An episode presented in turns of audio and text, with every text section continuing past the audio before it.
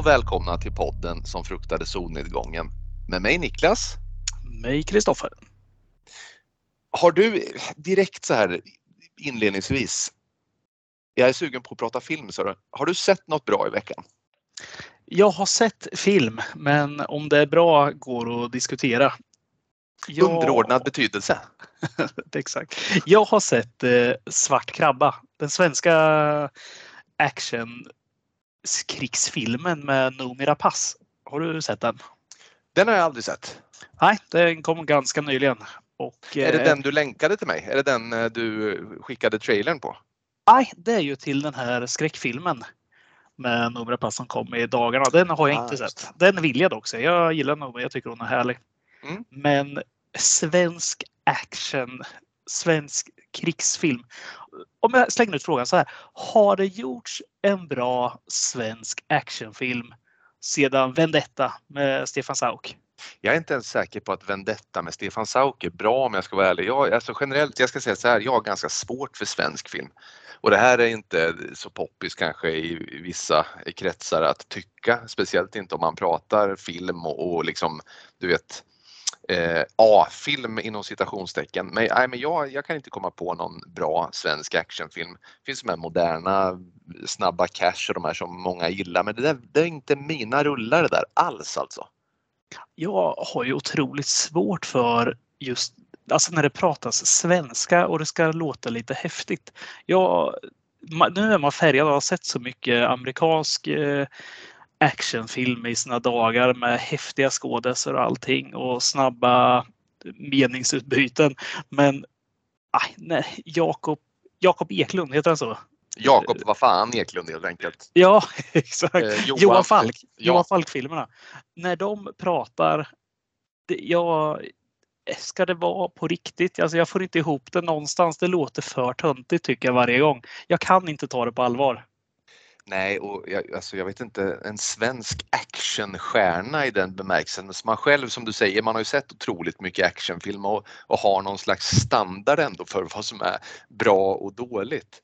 Och jag menar att många, många alltså det ju, ligger ju på något sätt i, i sakens natur så här, när man pratar runt lite i bekantskapskretsen och så här, att, att många tittar på film just för att den är svensk. Och film är bra bara för att den är svensk. Det är bara svenskt som folk kollar på. Och så vet man att man sitter på ungefär så här 100 alternativ oavsett genre som alltid är mycket bättre. Men folk ger fan i det för de vill se på svenska. Och jag vet inte vad det där är riktigt. För mig är det tvärtom. Ja, men det är samma här. Jag ser otroligt lite svensk film och ser jag någonting så vill jag nästan se något som sticker ut, något som vi svenskar är bra på. Då ser jag hellre någon så här Lukas Moodysson film som skildrar ett eh, glatt 70-tal. Det tycker jag kan vara trevligt. Eller en eh, Lars Norén-pjäs som har blivit film. Det låter man ju som, som, som något som är väldigt svåra, men det är jag absolut inte. Utan jag, jag äter det mesta i filmväg. Men just när det är svenskt så alla såna här komedier, Sommaren med Göran, Peter Magnusson och David Helenius. Jag spyr på sånt. Thomas Ledin-film. Nej, alltså det, vad händer? Nej, jag håller med dig och, ja, men, och, och jag tycker också eh, om vi pratar svensk film så där, Fucking Åmål tyckte jag var helt underbart bra när den kom. Jag har sett flera med, eh, med ehm, eh, Ulf Malmros som jag kan tycka är så här, rätt schyssta, så här, härlig, lite så här komik och lite så här feel good liksom. Men ofta när det ska bli eh, allvarligt, tufft, tuffa grabbar liksom, då det, det går inte på svenska överhuvudtaget för min del. Nej, det är väl liksom sista som, hela sista sommaren. Ja. Kjell Bergqvist. Mm, den är schysst tycker jag. Den är härlig. Singo. Eh, en härlig film också. Mm.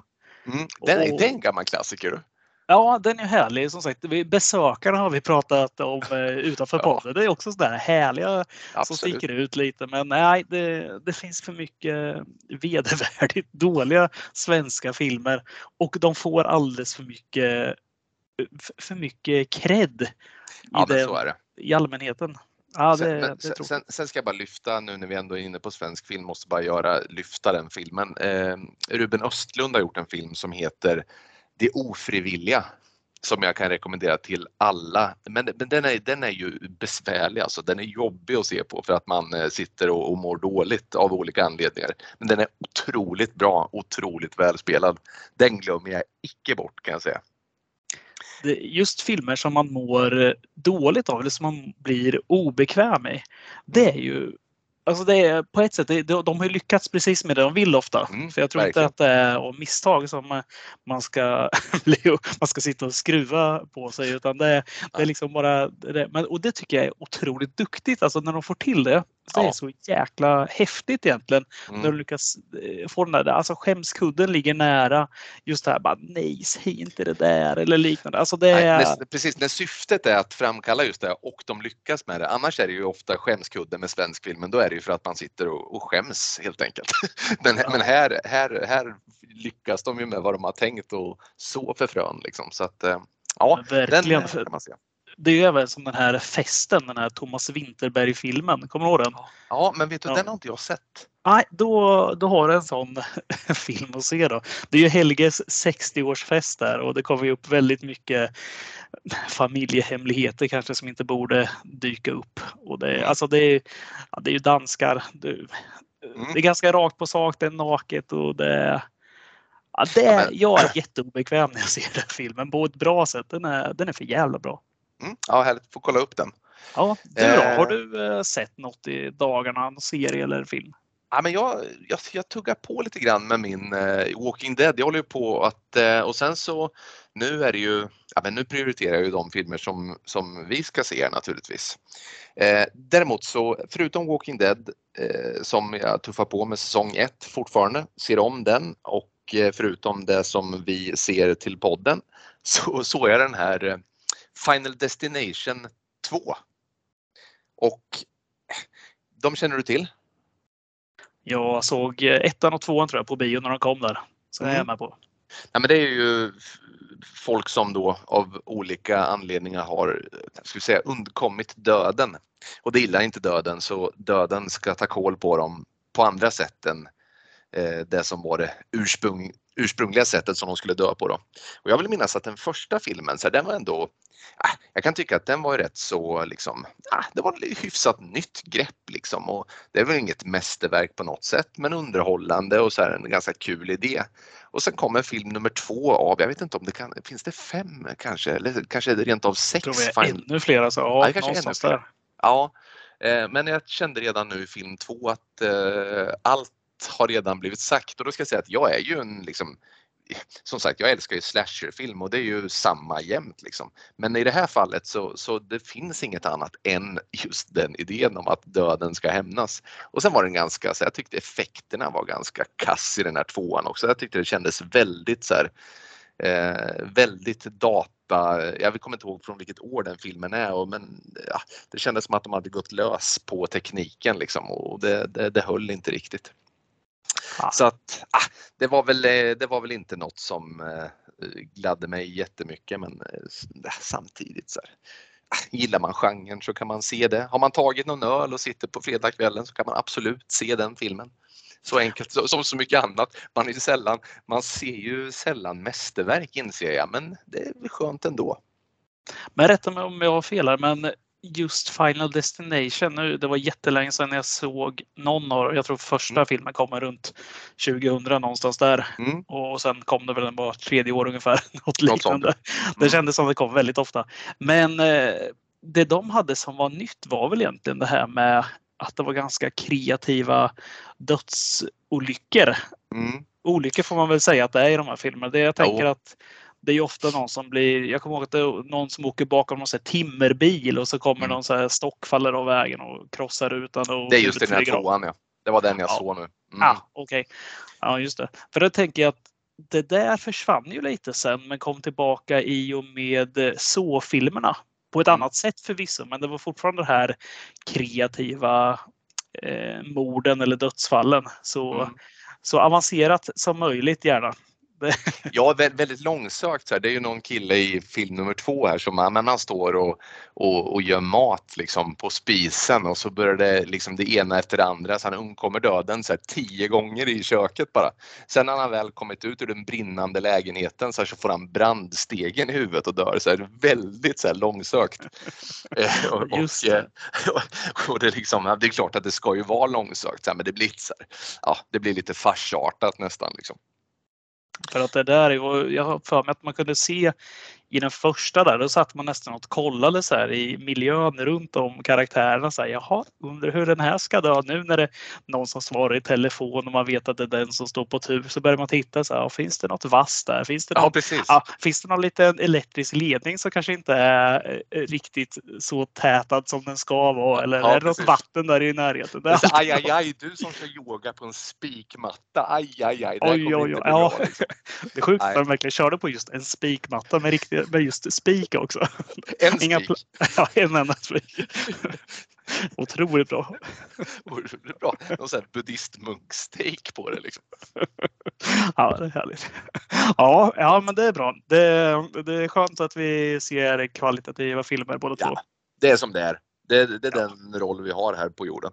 Vad ska man göra en sen fredagkväll? Det är, det är inte som att man slår på ett Kubrick 2001 där och sen det, ha fyra timmar med sju i kroppen. Men du, eh, om vi säger så här då. Eh, anledningen till dagens film. Varför valde du den? Killis dök upp på en eh, lista av filmer som, eh, som kanske är såna här skräckfilmer som du inte har sett eller som du inte har hört om men som ändå har ett hyggligt betyg av många. Och jag är ganska svag för att se lite så här filmer som inte är amerikanska hela tiden. Jag tycker man ser alldeles för mycket och de följer ofta samma mönster. Och Killis är en brittisk film och det tycker jag brukar vara rätt härligt. Det brukar vara lite nytänkande och det brukar vara lite skitigare, lite råare helt enkelt. Jag tycker det passar rätt bra in i skräckfilmer ofta den här var ju, innan vi går in djupare på den, skitig. Eh, det är ju det första som kom till mig också. Känns som att det är liksom eh, den kavlat upp ärmarna. Det, det, det, känns lite mer på riktigt när det utspelar sig i Storbritannien. Ja, man får den här, hela den här känslan lite av att ofta utspelar det sig i någon liten förort. Det känns som väldigt många brittiska filmer ofta gör det. Man är mm. ute en bit utanför stan och sen är det just den här arbetarfamiljen och deras ja, alltså problem till var i vardagen. Det är lite där mm. man alltid är. Det är lite som många mm. svenska filmer också kan vara, fast det här känns alltid lite skitigare. Kanske just på grund av britternas dåliga tänder och så vidare, men det, det känns... Och ofta... accenten! Ja. Det, och, och så här, gångstilarna till och med känns brittiska tycker jag. Den här filmen kommer från 2011 den är gjord av en eh, kille som heter Ben Wheatley som kommer bli en favorit hos dig när jag presenterar vilken film han jobbar med just nu. Det är en uppföljare till en film som du håller varm. Den handlar om en tjej som heter Meg. Och det här är alltså The Meg 2 som han jobbar med. Är det sant? Jajamän. Fantastiskt. Kommer Jason Statham vara med i The Meg 2? Eh, som han kommer. Ja, fantastiskt. Han är ju större än själva hajen i tvåan. ja. alltså han, han, det är hajen som är rädd och flyr från Jesus Hajarna håller på att undersöka att upptäcker att botten på Marianergraven är inte botten och där nere väntar Jason Statham. De har vänt på hela steken. My God, it's Jason Statham! Säger megalodon. Och det bara bubblar ur käften på hajen. Härligt ändå. Alltså, Simon. Ja, det, det är vad han jobbar med. Han har inte gjort eh, jättemycket andra kända filmer. Han gjort någon nyinspelning på Hitchcocks klassiker Rebecca. Eh, dock inte sett filmen, var aldrig något jättefan av Hitchcock-filmen heller, men den gjorde han. Har fått mm. sådär betyg också. Men om vi ska hoppa till eh, Killist och ta vad den handlar om lite snabbt. Ja, den handlar om, om mannen Jay, en, en medelålders man som eh, bor med sin fru och eh, sin son i en liten förort. Jag vet inte om man får reda på vilken stad det är riktigt de bor utanför. Jag vet att de pratar om Belfast, men det här känns ju England. De pratar kanske om någon militärtjänstgöring i Belfast någon gång, alltså som är Nordirland. Men ja, jag får för mig att det är England någonstans ändå. Ganska säker på att det är England också. Det, vi kommer in på Belfast här. Det är ju för att hans kompis Gal som han har tjänstgjort tillsammans med. Mm. De är ju båda före detta militärer. Mm. Gal är ju irländare och han eh, har vuxit upp i eh, Belfast. Just det, så är det. Yes, och det, Jay och Gal, de är ju de är försäljare. Eller det är i alla fall vad de säger att de är till de de träffar. De säljer, de säljer allt möjligt, men mest datorer tror jag med IT, ja, mm. IT-prylar. IT-prat, ja precis. Yes, men det här är ju inte riktigt hela sanningen utan de är ju båda två yrkesmördare och eh, jobbar med det vid sidan om. Det vi egentligen, det filmen eh, tar sin handling är ju att eh, Jay har ju gjort av med alldeles för mycket pengar mot vad hans budget klarar av.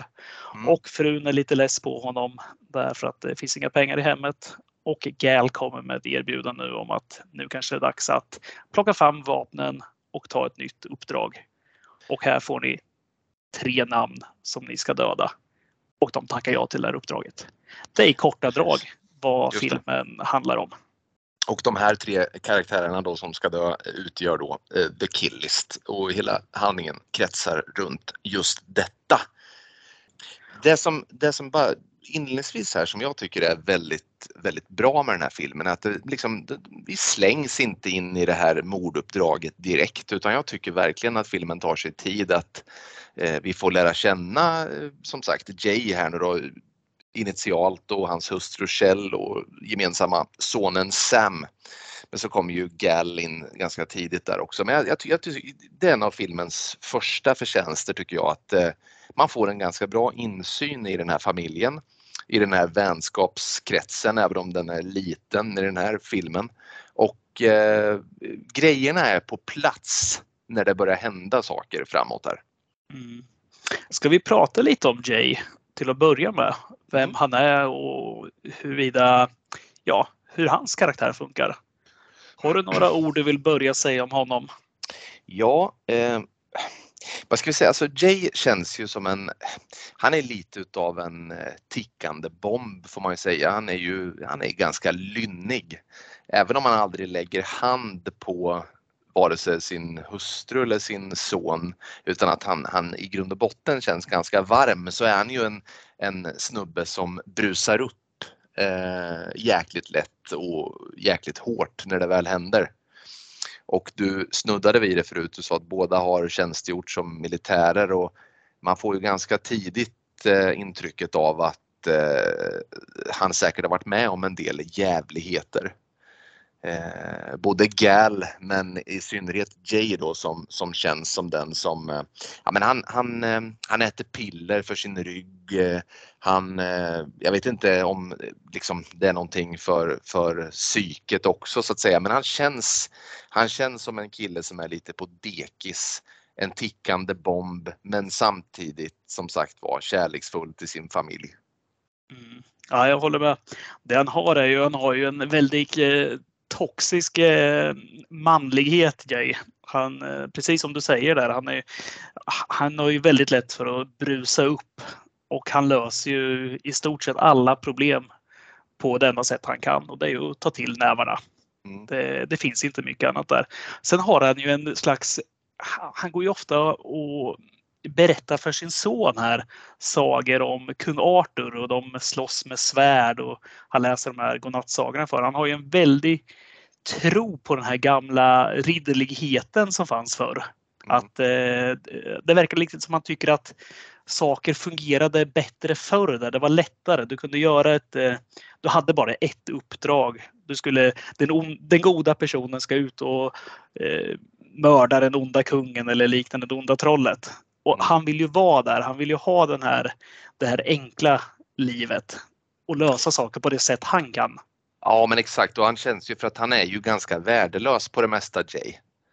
Men man får ju ganska snabbt intrycket av att han, det finns en sak som han inte är värdelös på och det är eh, att döda, att, att vara i strid. Där, även om man inte ser mycket ut för världen när man ser honom så verkar det, det är där han har sin, sin det, det, är där han är kapabel så att säga. I det övriga med att han ska gå ut och handla och köper, vad är det, 22 flaskor vin istället för mat liksom. Han, han, han får inte ihop någonting egentligen förutom just det här, den, den här liksom, så att säga, baksidan då av eh, livet.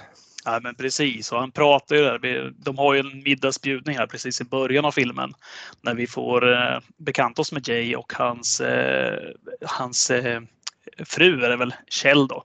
Och mm. sen är det ju Gal som är där med sin eh, nya flickvän Fiona och då sitter de ju och pratar dels om den här tjänstgöringen som de hade tidigare och där får vi väl också de kommer in lite kort på det där att det, det hände något när de var i Kiev nyligen. Nästan lite olustigt utifrån eh, ja, vad ska jag säga, omvärlden just nu då. Men det är någonting som hände i Kiev och vi får aldrig riktigt veta vad det är men det är något jävligt som hände i Kiev. Ja, och ju mer vi lär känna Jay kommer vi förstå att eh, han, han svävar ofta ut lite ifrån planen kanske. Han, ser han något han inte riktigt tycker om så ja, det slår lite slint där kanske och det, mm. han tar saken i egna händer. Men de sitter ju och pratar där om lite deras inblandning i Irakkriget vid middagsbordet där. Och där, Jay har ju väldigt svårt för det här med att eh, britternas inblandning där, det var ju i början var ju alla väldigt mycket för det här kriget. Men sen mm. ju längre tiden gick där så var det väldigt impopulärt och onödigt. Och han har ju väldigt svårt att acceptera det här. Att eh, det är svårt för en man att veta var han står, säger han. Mm. När han sitter där och pratar. Och jag kan bara tänka mig att det är just den här konflikten de pratar om då. Att han ja. är liksom en soldat ute på fältet som en marionettdocka lite över de styrande ovanför. Att han, eh, han kan ju det han är bra på. Men eh, ja, han gillar inte den andra biten som kommer efteråt kanske. Nej, ja, men verkligen så är det. Och nu eftersom vi ändå är inne på det, liksom, som sagt var, nu, nu har vi de här, men, och sen Fiona då som är på, på besök, hon, hon berättar ju att hon, Fiona då, bästa kompisen Gals eh, nya flickvän som sagt var, berättar att hon jobbar med, ja men vad, vad, vad, vad ska vi säga, hon, hon eh, går in i verksamheter, kollar på överflödiga kostnader och eh, om det behövs så sparkar hon personal. Precis, hon har samma roll som George Clooney har i den här Up in ja, the air. Ja, exakt den. Han åker, åker runt och, och förstör för folk. Liksom. Och ger folk kicken. Ja, och det gillar ja. han inte, Jay. Nej, men man får väl liksom anta att eh, Jay Com, han är ju arbetarklass. Det får jag känslan av i alla fall. Mm. Och om det är något eh, arbetarklass inte gillar, eh, i alla fall i personligt tycke, så skulle jag säga att det är sådana här människor. Nej, men precis. Och vad, vad tycker du om så här, vad, vad, tycker du om Fiona? Fiona är inte så otrevlig egentligen. Alltså hon nämner bara vad hon jobbar med. Det är ju bara ett jobb egentligen. Annars är hon inte så otrevlig. Hon sitter där och, och håller en ganska bra dialog och är allmänt trevlig mot eh, både mot Kjell och eh, mot Jay och mot Gal. Precis, hon är inne i en, i en, i en eh, gemenskap nu där de känner varandra extremt väl och hon kommer som utbörling och, och sköter sig sköter sig väl. Hon är ju försiktig och, och artig och allting. Men Precis. vet du, jag fick direkt känsla, jag, jag tycker hon ser otäck ut alltså. Ja, vet du vad hon eh. har? Hon har ju såna här crazy eyes har hon. Ja. De är stora som eh, tefat. Verkligen och hade jag gjort, nu gjorde de en ny inspelning av den här Roald Dahls eh, häxor du vet med hon, är det Anne Hathaway kanske som är den här storhäxan? Känner du till den här ja. sagan?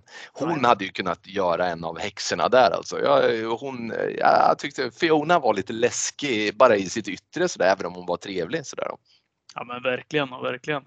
Och precis eh, som du är inne på där också det här med att hon är läskig. Hon är ju rätt läskig för att under det här middagsbjudningen så det blir ju lite kurr där när Fiona säger vad hon jobbar med. Jay mm. tar det ju ganska personligt och samtidigt så, ja, han blir ju ganska arg över att Kjell har hällt upp såsen i en så här tillbringare som ser ut att komma från ett kemisätt. Det mm. tycker han inte alls om utan mm. han tycker så här gör man inte när min bästa vän är här. Och Nej. man märker att det är något annat som ligger och gror under utan det är inte det här han är arg för egentligen. Men han sliter upp duken från bordet och stormar iväg och de står och skriker på varandra. Men mm. nog om det, utan det jag skulle komma till är ju att i, precis när det här händer så går ju Fiona då in på toaletten. Sen tar de fram en kniv och vänder på deras spegel har jag för mig att det är va? Mm, det är spegeln. Och då ristar hon in ett sånt här märke. Det är, någon, det, det är inte ett pentagram är inte, utan det, det är något så här okult märke ser det ut som. Filmen börjar med samma märke, kommer upp direkt när filmen startar. Ja exakt, det är som en liten cirkel med något eh, A högst upp. Alltså det är svårt att, beskriva hur det tecknet ser ut. Eh, ja, inte ett A men det är något liknande så, som sagt var. Det är ett väldigt effektfull scen. Jag vet inte vad det är med mig sådär men det är svårt att säga vad det är som ger effekt. Men redan där tycker jag att filmen blir lite otäck när det blir något så här, du vet, det kändes ju lite häxigt det hon gör där. Mm, ja men verkligen. Hon är ju ganska häxig av sig där. Mm. Mm. Ja, men eh, det vi har mer innan vi lämnar den här scenen tänker jag mm. så kan vi gå in då på, vi har Gal som är mm. Jays bästa vän och eh, som man har eh, krigat med tidigare. Dels som soldat och som vi även förstått nu, eller som vi förstår under middagsbjudningen nu att han även är kompanjon som yrkesmördare med också. För ja. att det är ju så det är. Under det här bråket som Jay har med sin eh, fru Kjell så går han ju ut och sätter sig i garaget och röker. Mm. Då kommer ju Gal in och försöker pigga upp honom lite och säger ah, är det inte dags nu? Det har, det har gått ett tag och mm. vi, vi har ett jobb på gång här som jag vill ha med dig på. Mm. Och det är då den här listan dyker upp då med tre personer. Och man ska väl tillägga där också då att vi kan gå in på, Gal har inte så mycket mer eh, personlighet än så här. Utan han är, han är från Belfast, han är troende som mm. Eh, de flesta irländare. Han, mm. De pratar lite om det vid middagsbordet där också för att eh, Gal frågar ju faktiskt eh, rakt ut. Ska ni inte säga, vad säger man? Say grace säger man på engelska. Ja, bordsbön. Mm. Ja, är det okej? Okay? Eller kan du säga bordsbön säger han till, till Kjell och hon säger inte vid mitt middagsbord. Det är ganska Nej. hårt direkt där. Och han, Gal verkar inte vara den som bryr sig så mycket. Man märker ju att han är troende med att han inte, ja, det spelar inte så stor roll för honom där. Nej, och Kjell ska vi säga där, Kjell är ju från Sverige i filmen och eh, har väl då lite av den här klassiska, jag vet inte, nu får inte riktigt veta hennes bakgrund mer än att hon också har någon form av militär bakgrund men hon, eh, man kan väl tänka lite av den här svenska klassiska ateismen som följer henne där som blir en liten krock där ja, som sagt, det blir inga bordsböner vid hennes matbord. Ja men verkligen precis och när vi ändå är inne på på just eh, Kjell här så är det ju ganska kul också för att i många sådana här filmer så brukar man ju säga the hitman's wife brukar vara ett sånt här begrepp som ofta med att eh, frun aldrig vet om någonting om vad mannen jobbar med. Just i det här, den här hemligheten att han skulle vara yrkesmördare. Men i det här fallet så råder det ingen tvivel utan hon uppmuntrar ju mer honom till det här. Ja, ja. Eh, det, det, man kan säga är ju att Jay är ju den som eh, ska dra in pengarna i, det här, i den här familjen. Trots att Kjell faktiskt är den här dekorerade soldaten. Det får vi också mm. reda på. Mm. Det är ju Fiona för mig som frågar där, vad är det här för medaljer? Och Kjell säger vad det är för någonting, att hon har fått någon mm. tapperhetsmedalj och så vidare. Så mm. redan där skulle jag säga att man känner lite av den här att Jay har den här lite han vill ju så gärna vara den här ridderligheten som jag pratade om innan där. Att han ska mm. vara den här machomannen som eh, tar hand om sin familj, fixar inkomst och allting. Men han ligger lite i lä där för att Kjell är nog den som är jag får i alla fall den känslan av att hon är den som har karriären. Hon har det haft det bättre jobbet också. Men mm. mer framgångsrik. Utan han mm. är, som du var inne på också där, han är ganska oduglig egentligen. Och därav kanske att han har just det här eh, extra knäcket då, som yrkesmördare. Absolut och det är nog därför som man, som, för att han ska känna ens något så existensberättigande så har han det där och, och hon, hon liksom uppmuntrar det som du säger och, och, och, därför är det lätt att få iväg honom på de här uppdragen också. Även om hon säkert är, är, är minst lika kapabel, om inte mer kapabel vad gäller den biten. För att hon, hon håller ju också ihop bättre som människa liksom, än vad han gör. Precis det vi har lite mer där också precis med Fiona. Det här, även när hon går in på toan och gör det här märket. Då, hon tar ju även upp, det ligger ett papper där inne. Jay har ju stått och rakat sig innan. Och, eh, precis. Och det pappret tar ju hon upp och stoppar i, ja, mellan tuttarna. Då. Bara som en eh, liten grej. Det är väldigt konstigt beteende får man väl säga att det är. Mm. Också det känns väldigt häxigt att eh, göra anspråk på någon annans blod. Ja, det, det gör det det är väl de karaktärer vi har egentligen just som filmen kretsar om. Vi kommer ju till några mer sen, men det är väl lite så det börjar. Mm. Ja, vi har ju eh. sonen eh, Sam också, sju år gammal. Som, han, han leker egentligen eh, riddare med sin pappa, men inte mycket mer. Han får ju höra sina föräldrar bråka rätt ofta och Gal tröstar honom. Det ja, det är den precis. roll han spelar i den här filmen. Jag måste bara säga det, Gal. Instinktivt gillar jag honom. Jag gillar eh, hans uppenbarelse. Han känns som en så trygg, ganska lugn människa i, i, denna, i detta ganska hetsiga karaktärsgalleri i övrigt så känns Gal ganska stabil trots att han också har sett mycket skit troligtvis. ja men det, det gör han. Jag tänkte direkt på Gustav Hammarsten när jag såg den karaktären. Ja, Jättelik honom. Ja, Jättelik han, han, han, har så här, jag vet inte om du såg det, fanns en serie, en så här brittisk humorserie eller så här humordramaserie som heter Kalla fötter som gick för länge sedan. Ja, just det. Just han, han skulle kunna vara med där. Jag vet inte om han är lik lik någon, men han har looks som någon som skulle kunna vara med i den serien, vet jag att jag kände när jag såg den här.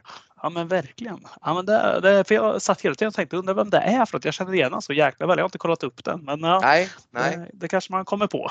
Han heter Michael Smiley ser jag nu när jag läser om han. Men jag, Väldigt vi... Eh, lätt karaktär att tycka om. Han är, ja. han är trevlig, han är, han är schysst mot Sam där när han bär upp honom när de bråkar och mm. han är Ja, men om, om Jay är den här som exploderar lätt så är Gal den här som håller tillbaka rätt bra. Han är han, han tänker mer, han låter, han låter inte nävarna tala det första Nej. Nej, det är typ det sista han gör. Även om han är en yrkesmördare så, så, så känns han eh, snäll alltså, den här mannen. Det känns som att båda bär med sig rätt tråkiga historier från krig mm. överlag. Att de bär på någon slags trauman båda två där. Och den ena mm. hanterar genom att stänga in det och den andra vet inte riktigt, alltså Jay här, han vet inte hur han ska hantera det alls. Utan han, han liksom bara, ja, som du säger, en tickande bomb. Han har alltid det där med sig i bagaget och det ligger så nära till hands att bara få mm. ta ut det. Ja, men lite pulspåslag och så, och så är det igång på Jay där. Medan Gal är betydligt mer samlad.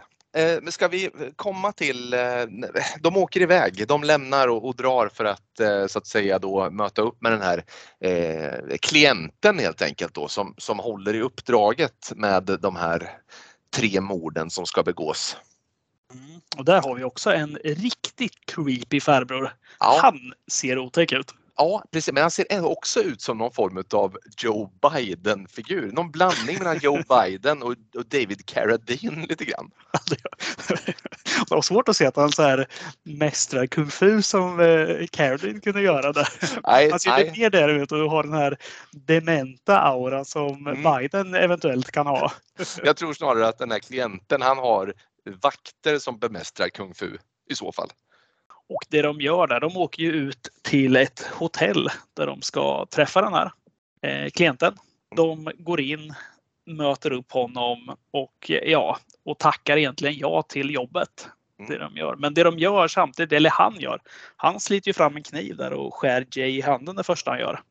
Ja, ganska rejält eh, sår där. Sen eh, direkt efter så skär han ju sig själv i handen också. Så någon mm. slags blodsed här som ska vara ja. det som eh, undertecknar kontraktet. Låter blodet droppa på pappret där ja, precis. Ja, precis. Vilket, vilket, vilket på något sätt också stödjer tesen att det är ett ganska stort och allvarligt och viktigt uppdrag de får, minst sagt ja, jag vet inte riktigt. Vi har, vad händer mer här? Det, helt plötsligt, Jay, de har ju en katt där hemma också. Det är ju så här konstigt parti i filmen, men mm. den, eh, den, vi får ju reda på att den släpar in saker så som katter gör. När jag mm. säger saker så menar jag givetvis djur då.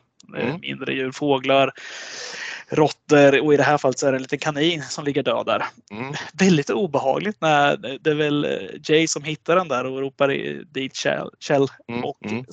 hon frågar vad är det för någonting. Han, mm. han stoppar ner pekfingret och tar sig en smakbit och säger ja, det, är. det är kanin. Alla som har katt eller har haft katt har ju mm. varit med om det här någon gång. Och mm. jag tror inte majoriteten skulle göra vad Jade gör. Han eh, tar ju in den här. Han säger att han ska laga till den här med lite onions and garlic. Precis, det är det sista man tänker på när ens katt kommer hem med en gåva till familjen. att man vill dela måltiden med katten, så kan vi säga. Men eh, Jay har ju fått för sig att den här katten kommer med gåvor till familjen för att önska dem lycka till i livet eller mm. liknande. Mm. Så att han ser ju det som något eh, en fin offering av något slag. Mm. Och ja, den här eh, katten hittas ju död dagen efter. Då är den ju hängd. Hängd utanför huset och, och um, precis, man får eh, ganska tidigt känslan av, eh, ja men vi har den här, eh, det här ristandet av den här märkliga symbolen i deras badrumsspegel. Och man känner väl ganska tidigt att det här hänger ihop på något sätt. Att det, ja, jag vet inte, den, någon, form, någon form av häxeri som håller på att drabba familjen får man ju känslan av här. Ja, precis, verkligen. Det vi får nu då, det är att de ska ju bege sig ut på den här mordturnén då. För de har ju tre namn på listan. Eller har, har vi någonting innan där? Missar jag någonting? Nej, det är ju nej, inte någonting som för att föra handlingen framåt. Det är väl snarare lite mer som bara befäster de här olika karaktärsdragen när Jay skäller ut någon stackars eh, kristet sällskap på någon restaurang för att de sitter och sjunger och sådär. Ja, men, men bra. Det, det, ja, precis det jag tänkte komma ja. till. Så att det, mm. jag stoppar det lite där bara för mm. att det, det första namnet på den här listan är ju just prästen. Mm. som eh, vi ska träffa där. Mm. Och det var lite därför jag tog upp det här med med Jays förhållande till religion innan här och Gal också. Mm. Den här prästen som de får i uppdrag att döda, det är ju bara att skjuta en präst får väl anses vara en av de mer ohyggligare handlingar som du kan göra som eh, människa. Verkligen, Oavsett. och Gal är ju inte förtjust i det. Precis, och det var därför jag, jag tänkte det, att vi tar upp nu att han ändå faktiskt är troende också här. Mm. Så att han eh, går in, de går in i den här eh, kyrkan som den här prästen befinner sig i. De tar in på ett litet hotell i närheten och sen eh, går de och besöker den här kyrkan. Och där märker vi direkt att Gal han gör ju korstecken framför, ja vad säger man, någon sån här gudstaty. Ja, ja eller, och han har ju den här, jag är lite osäker också på vad det heter, men den här kappan då. En, så katolska präster hänger ju något, något så här runt eh, axlarna, någon, någon form av ja, jag vet inte, där gör han korstecknet och, och kysser den här då och eh, han brottas lite med sig själv här. Mm. Och där verkar ju liksom att det här är inte hans cup of tea för att tala engelska. Utan eh, de, man förstår väl ganska snabbt att det här är något Jay kommer få göra. Han kommer vara den som får ta hand om dem. Mycket riktigt, de följer ju prästen här inne i hans kyrka och de smyger upp och förbereder ja, ett mördarrum. Plastar in hela hans arbetsrum skulle jag säga att det är. Mm. Och väntar där på honom. Så när prästen kommer upp från sitt jobb, har slutat dagen, så går han in, inte ont anande. Eller han vänder sig om, ser att de här står ju i, ja, är det en garderob de står i eller liknande. Mm. Ja. Och han ser att Jay står där och riktar pistolen mot honom. Mm. Men istället för att bli den här superrädda som en annan hade blivit. Vad, vad säger han för något? Han säger tack. Precis, han stirrar rakt in i, i pistolmynningen och eh, Jay tycker väl också någonstans att ah, det här blir, du får vända dig om. Så här. Och då säger prästen tack och vänder sig om. Men han tackar inte för att han vänder sig om utan vi fattar att det är någonting annat han tackar för. Mm. Och Jay skjuter ju där i, i huvudet där. Och mm. de eh, tar med sig kroppen, bränner den sticker tillbaks till hotellet där. Jay pratar ju lite snabbt med Kjell som vet om att de är på det här eh, mordturnén och eh, hon säger ju även där att Fiona är ju kvar där hemma. Att de, eh, ah, hon säger att hon inte gillade henne så mycket men nu är det ändå rätt skönt att hon kommer över där på, och hänger med henne. Precis. Men när de är där på hotellet så kollar ju Jay ut där. Man ser ju att han, han har ju lite ont i handen fortfarande eftersom han är skuren där. Mm. Och eh, han står och tittar ut genom fönstret och där är det en dröm eller men han ser den här Fiona stå där och vinka till han. Mm. Det är första gången som det är första gången som det blir Precis, man blir lite osäker på vad som är dröm och verklighet i filmen. För som sagt hon står i någon form av vit nattsärk ute i natten och vinkar upp mot honom. Och han eh, vinkar tillbaka och eh, han, själv hade man ju blivit ganska fundersam eller konfunderad över det här men han ser ut som att han inte liksom, att det inte är något konstigt med det. Ja, de eh, sover ju av sig i alla fall här på hotellet. Och för mm. att eh, nästa namn på listan är ju bibliotekarien har jag skrivit upp. The Librarian, ja precis. Jag, så, jag såg den på på engelska. Så jag fick skriva på svenska. att var Inser efteråt så här, undrar om min översättning blev korrekt på allting. Men jag hoppas det. och, ja, eh, precis. Ja, den här bibliotekarien det är ju inte en vanlig bibliotekarie som katalyserar kunskap där eller har någon samling böcker utan det är ju en eh, jävla skum eh, man som, mm. ja vad gör han för något? Han... Någon form av barnporrkurir eller något liknande. Han sitter på ohyggligheter i sitt bibliotek där ju. Mm. Och det är ju första gången som när de eh, ska, ja, de rekar lite grann ju när de eh, för att, för att på något sätt eh, ta honom när det är som bäst ur alla tänkbara situationer eller scenarior. Och då när de är i hans bibliotek så hittar de den här datorn och Jay får ju syn, båda, både Gal och Jay får ju syn på någon ohygglig film här som ja, får Jay att fullständigt tappa det då helt enkelt. Där, vi har bara stoppat över den, mm. just den scenen där. För att det jag tänkte på där det är att Gals reaktion, det är ju han som börjar titta på den här eh, filmen som är på mm. datorn. Mm. Han har ju väldigt svårt för det. Nu pratar vi ändå om soldater de har, och de har ju sett sina ohyggligheter de här båda två får vi ju veta. Men Gals reaktion är ju att han slutar ju direkt. Han tittar bort på en sekund där. Han vill ju mm. inte veta av det. Han, eh, han säger till Jay att det här vill du inte se. Det här mm. är, det är för ohyggligt. Mm. Jay däremot, han eh, tittar ju på och det blir ju jättetydligt att eh, han blir mer och mer bekymrad över det här materialet. Men han, han kan liksom inte titta bort. Nej. Och hela den här scenen, hela kameran fokuserar ju där på hans ansikte. Det blir ju mm. förvrängt i tårar och mm. Alltså någon slags misstro mot det här han ser. Det, mm. Jag tycker det förklarar väldigt mycket just om deras olikheter inför de trauman som de har varit med om och just varför Verkligen. Jay ständigt är så rå han är i ja, sitt beteende. Mm. Ja men verkligen och, och, och Jay eh, utnämner sig ju själv. Han är ju, blir ju ofta någon så här egenutnämnd bödel ju. Som sagt, när han ser någonting som han inte håller med om då kommer han låta bilan falla liksom på alla inblandade. Och Gal finns där som försöker liksom lugna honom. Men det är inte alltid så enkelt ju. Nej, men precis. Och eh, det de hittar här också är ju att eh, när de, eh, ja, de är ju i den här, tillbaka till den här eh, librarian eller bibliotekarien då. De är ju på hans mm. ställe och eh, har ju tagit fast honom. Han sitter vid ett bord. Ja. Eller hoppar jag för mycket? Nej, nej, ja, nej det är så nej, det är ungefär. Ja. Eh, och eh, Gal han, gör, han reker ju runt lite i hemmet där hemma hos honom kollar liksom var han har sina pengar, kollar liksom efter något litet ja, kassaskåp eller liknande. Där hittar ju han att de faktiskt har sett vad som eh, vad som hände i Kiev. De, eller inte vad som hände i Kiev, de, han hittar en fil som visar vad, alltså det står Kiev på den på en sån här mapp bara.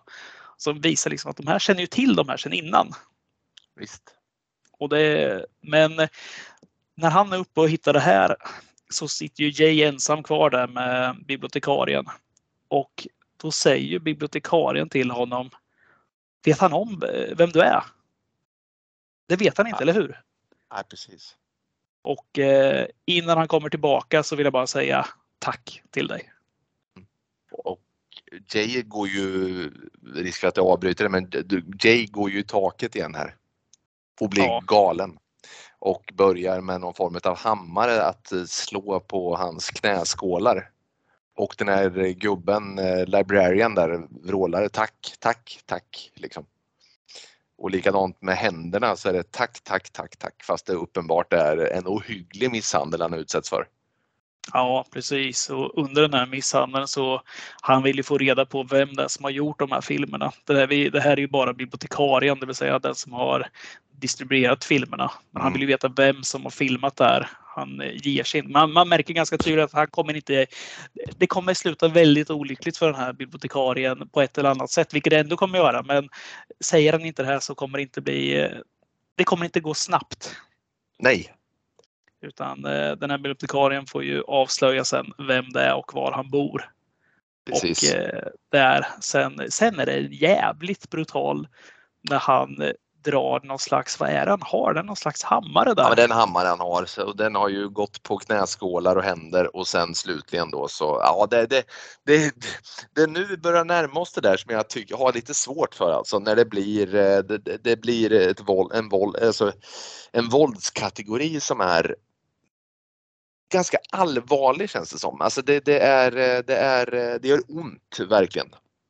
Mm. Det, jag håller ju med dig. Jag tycker också att det blir liksom för grovt mycket gånger, eller många gånger man ser såna här filmer. Men just i den här filmen så tror jag verkligen på att de vill ha det här råa våldet just för att få ut en poäng. Mm. Just man vill lyfta fram den här Jays, eh, den här brutaliteten som han har. Jag ska inte spoila någonting än, utan jag kommer till det senare där, men jag tror att det fyller en, eh, en funktion. Mm. Jo, absolut. Eh, nej men det gör ont. Den där, det gör, eh, det gör ont och det är inte, de klipper inte för tidigt, så kan vi säga. Eh, och Gal kommer ner där precis när, när Jay har, ja han har ju faktiskt eh, bultat sönder hela huvudet på den här bibliotekarien. Det finns inte ett spår kvar egentligen. Nej. Han kommer ner och han är ju vansinnig där för att eh, det är ju en jäkla oreda bara. Precis, det var inte enligt plan. Det, det, vill man så att säga dölja sina spår så det var inte optimalt ur det hänseendet så att säga då. Här säger ju också Gal där, han säger så här, eh, ja men vad ska Kjell säga om det här? Och Jay eh, säger ju tillbaka där bara så här, men nej, du kanske inte ska berätta något för henne. Och det där blir ju ganska tydligt då att Kjell faktiskt är väldigt inblandad i det här och kanske är den som har sista ordet. Eller liknande. Hon, eh, ja. Absolut. Hennes ord väger högt i alla fall. Det gör de i allra högsta grad. Och här, ett sidospår blir ju här att de behöver åka till den här adressen med den som har så att säga legat bakom den här ohyggliga produktionen. Även om det är utanför the kill list så behöver ytterligare ett namn finnas på the kill list för att Jay ska få eh, harmoni i kroppen igen då. Ja, precis. Och det här, det här kommer in också på det här med att Jay faktiskt har gått, gjort liknande grejer tidigare i, i Kiev där. Och det är väl där vi fattar att han har gått utanför en lista där också. Ja, Just, precis. Ja. ja. De nämner ju Kiev väldigt många gånger i filmen. Det gör de. Och vi, vi behöver inte stanna så mycket i vad som händer här, men det är två personer på den här adressen som får, ja, de får plikta för vad de har gjort. Eh, det så är det. Han, mm. Eh, han står i 20 minuter och slår en killes ansikte mot en vägg. Ja, de, och, det är någon sån containerliknande vägg och det är precis 20 minuter nämns. Så där har han stått i 20 minuter och slagit hans huvud i vägg. Ja, det är inte mycket kvar av honom. Nej, precis. Han mördade ju även en hund där också. Det är mm. rätt brutalt. Verkligen. Och de, de sticker hemåt. De, de bränner de här kropparna. Och eh, han kommer ju hem och möts av Kjell och eh, Fiona hon har mm. blivit vän där, sitter och dricker lite vin. Det känns mm. som de gör konstant. Ja, hon är där väldigt ofta. Mm. Han, eh, ja, han ska ju hänga lite med dem. Han går ju upp, han ska bara tvätta av sig lite. Först mm. tänkte jag att han, jävlar vad blodig han var på kroppen. Men mm. sen får man ju förstå där att det är ju det här, eh, det här såret som han har där han blev skuren där av den här mm. klienten. Då. Det är mm. den som har blivit infekterat där och han har fått någon så här vad säger man, rash säger man på engelska, någon så här klåda, någon infektion. Alltså, ja, det har ju över ett, eh, kroppen. Ett bultande sår i handen som man inte behöver vara någon form av eh, sjukhuspersonal för att förstå att det är allvarligt. Och som sagt den här infektionen tycks ha spridit sig för att han har eh, spår av det även på överkroppen i någon bemärkelse. Ja, och där säger åt honom att du måste träffa en doktor för det här. Det är, man ser ganska snabbt att det där är inte något som går över med, med, med några Ipren där. Men han behöver ett ganska... starkare antibiotikum är vad han behöver. ja, det behöver han. Jay säger att han ska åka och köpa någon, någon cream, sa han på engelska. Och så skrattade jag väldigt mycket. Ja, men salva skulle han ha. Ja. Jag satt och bara tänkte på glass när, när jag såg det. Där. Och dagen efter åker jag faktiskt till en doktor. Och det är ju ett jäkla märkligt möte. Mm. Han ska ju träffa sin eh, vanliga doktor. Mm. Ja, precis så säger man. Men vem, vad är det som är där för något? Där möts vi av en mystisk man som då har ersatt den vanliga eh, doktorn som inte alls fokuserar på det här såret. Och överlag så fokuserar han inte på så mycket som rör Jays hälsa överhuvudtaget utan det blir ett väldigt märkligt möte. Vad är det han, vad är det han, vad är han framför till Jay? Ja, men han pratar ju väldigt mycket om just det här med är du stressad, är du trött? Så, är ditt sexliv bra? Börjar han prata om. Mm. Men det han säger är ju eh, The past is gone, the future is not here yet. Eller yet here kanske jag säger. Mm. There, there is only ever this moment. Det är ju ett sånt där uttryck som man kommer, i, kommer att tänka på efteråt också. Och det där är ju jäkligt märkligt men Jay reagerar inte nämnvärt på det här. Han är liksom ganska avtrubbad på något sätt. Han är liksom lite frånvarande där. Mm. Eh, den känslan jag får i alla fall. Ja men så är det och han, han gör väl något sätt tafatt försök att ja men du jag vill bara att du kollar min hand. Och han svarar inte på det utan han repeterar det här mantrat om att, att nuet är nu och så vidare. Men, men vi får inte veta mycket mer där utan han eh, går därifrån. Skiljs från detta märkliga möte och sen är det egentligen inte mycket mer med det där. Och vi går väl vidare med listan. Det är ju en person kvar på den här listan men det har börjat hända. Det, det, det liksom, de, de vill inte riktigt vara med. Va, alltså, får du, vad är det som får dem så att säga att, eh, att eh, vilja avbryta det här uppdraget innan den tredje personen är avrättad? Ja, vad, vad säger han för något? Alltså det är ju lite där med katten hittas ju död där och det är ja. ju otäckt ja, men de, de tänker liksom att det är någon som ger igen på dem, både Jay och Gal. Alltså, de tycker inte om, alltså, de ogillar ju att de har gått ifrån listan också. Ja, eh, precis. Eh, och här får vi även veta liksom att det finns bilder på dem också när de är utanför den här prästens hus. Just det. Och det är då de åker tillbaks här till den här the client, mm. eller klienten då. Mm. Eh, för att ja, de vill ju avsäga sig jobbet, de vill hitta en ersättare. De, de är villiga att erbjuda en ersättare till och med mm. som ska slutföra det där. Men eh, mm. nej, det tas inte emot sådär jätteväl. Inte alls. Nej. Det är eh, ert uppdrag säger han bara. Ja men vad händer om vi skiter i det där? Ja men då kommer ni eh, dö och era familjer också. Så det är inget snack. Ni gör klart så att säga. Det är klientens budskap. Och det, klienten slår, då han klappar dem lite på axeln där när han går ut. Mm. Och då säger han ju någonting som jag tror också är väldigt viktigt för filmen. Det han säger är reconstruction säger han. Mm. Ja precis. Han säger liksom inget mer där. Men han, eh, han, klappar ju just Jay på axeln här. Mm. Och sen går ut. Sen, eh, sen lämnas vi där med att de, ja, vi förstår att de kommer behöva köra den här listan. De får göra klart mm. den. Verkligen, så är det. Och den sista personen på den här listan, eh, vem är det Hoff? Det är MP som vi ska döda. Jag var ju tvungen att googla här vad MP står för. Har du koll på det? Nej. Det är då Member of Parliament. Okay. Så det är väl någon slags politiker här då. Ja, utan att vara ja, men... väldigt insatt i eh, det brittiska. Nej, men så är det. Vi får ju, vi får ju veta i alla fall att det är en liten, någon form av höjdare här ju. Och eh, de ger sig ut, eh, behöver, eh, ja, de ligger, det är ett ganska stort hus som den här mannen hålls i. Den som ska avrättas och de behöver så att säga de, de spejar på det här huset utifrån en skog där de behöver sova över. De är mitt ute i skogen och mitt i natten. Eh, så, så ligger de och talar med varandra och sen blir det läskigt tycker jag. Då har vi ju, det är ju ett facklor som kommer gående. Ja, Nakna... ett klassiskt fackeltåg. Ja, det är det. Mm. Här, det här vet jag att du tycker om för du gillar mm. sådana här sällskap som, eh, som kommer där man inte Jag brukar säga det. Esoteriska sällskap. Nej, men jag gillar filmer som handlar om, eh, jag gillar ju den här typen av takes på på film. Alltså, jag tycker det är jäkligt effektfullt i skräckfilm med läskiga sällskap. Och det får vi i den här filmen. För nu kommer de, som du säger, nakna och med någon form av eh, Guardians of the Galaxy Groots grejer på huvudet. Jag tänkte på det också. Alla ser ut som Groot när de mm. Eh, kommer gående där. Men, det är ingen som eh, hävdar att de heter Groot dock i den här filmen utan det, det är mest utstyrseln ja.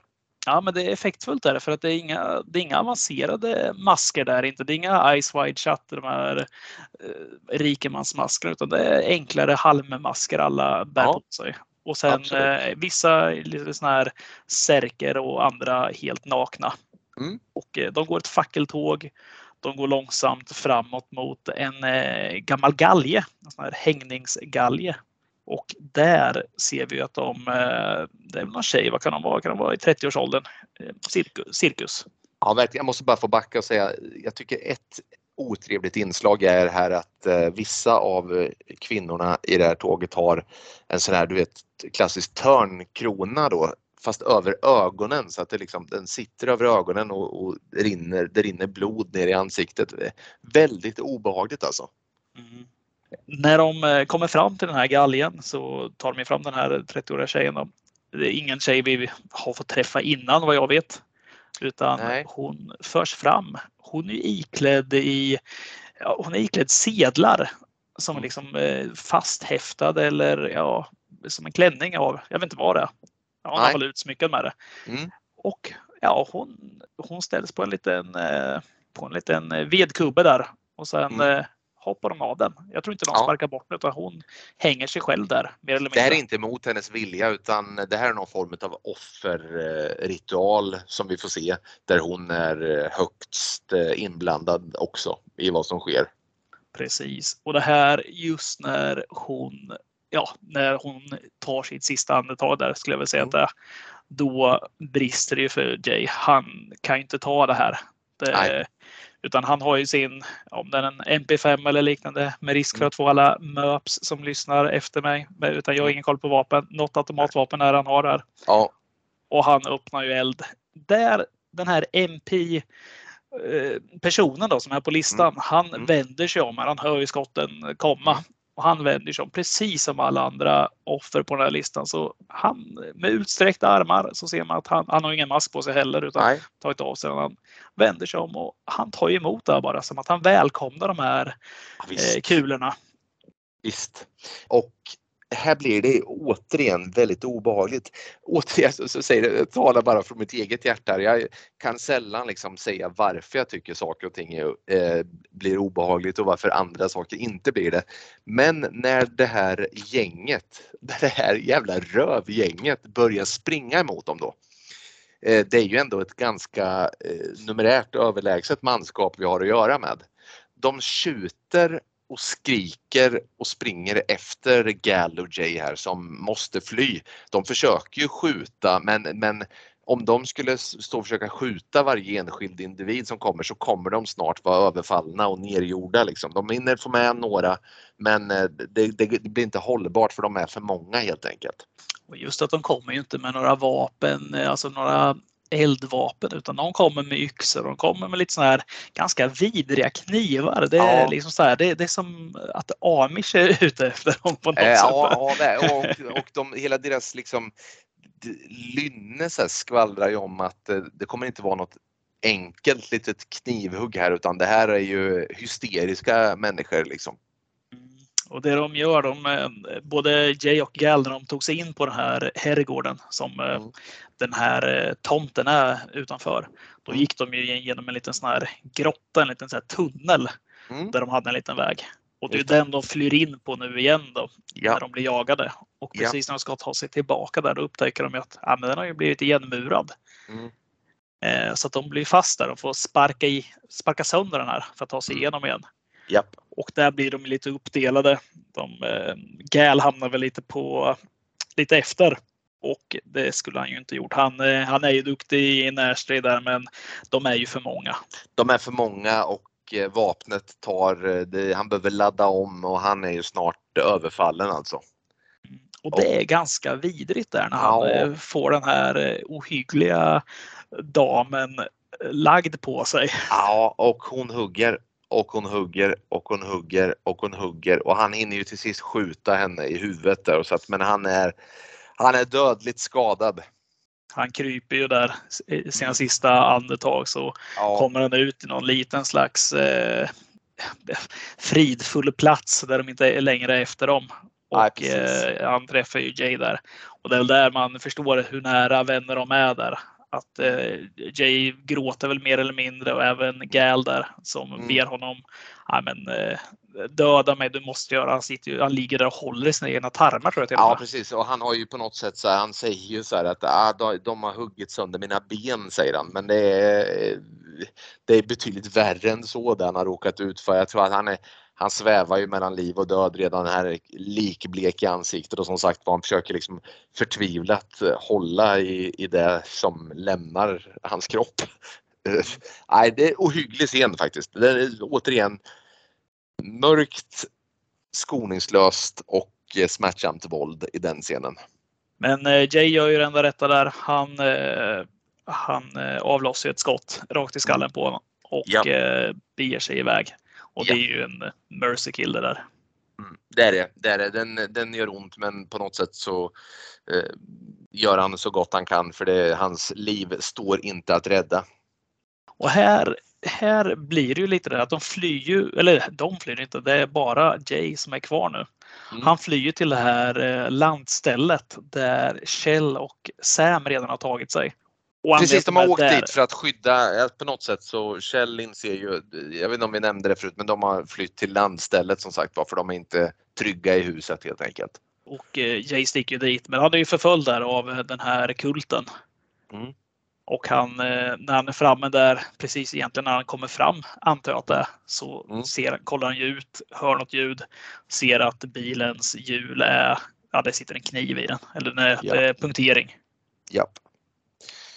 Och han, eh, på något sätt så, så ehm, eh, Kjell eh, tröstar Sam och eh, de stannar i huset och Jay säger att han ska, de är nog inte så många säger han, han ska, han ska, han ska ut och, och ta hand om dem helt enkelt. Det där är ju riktigt obehagligt just när man hör när han säger att han hör det här ljudet. Nu vet vi ändå att han är en, alltså han är ju en yrkesmördare, han är gammal mm. soldat, hon är mm. soldat mm. och det är, det är några jävla bönder som är, alltså den här kulten, mer eller mindre vad vi får reda på i alla fall. Sen när man ser det här, alltså de är mitt ute ingenstans i en sån här eh, Harry Potter liknande hus skulle jag säga, så här, halvt sten, halvt trä. Eh, typiskt brittiskt på landsbygden och det, när han går ut där så sitter det just facklor över hela, hela tomten. Ja. Den är ganska så här stor, ganska öppet också. Och det sitter facklor överallt där. Och han mm. går ut och ska ja, undersöka och försöka hitta dem. Mm.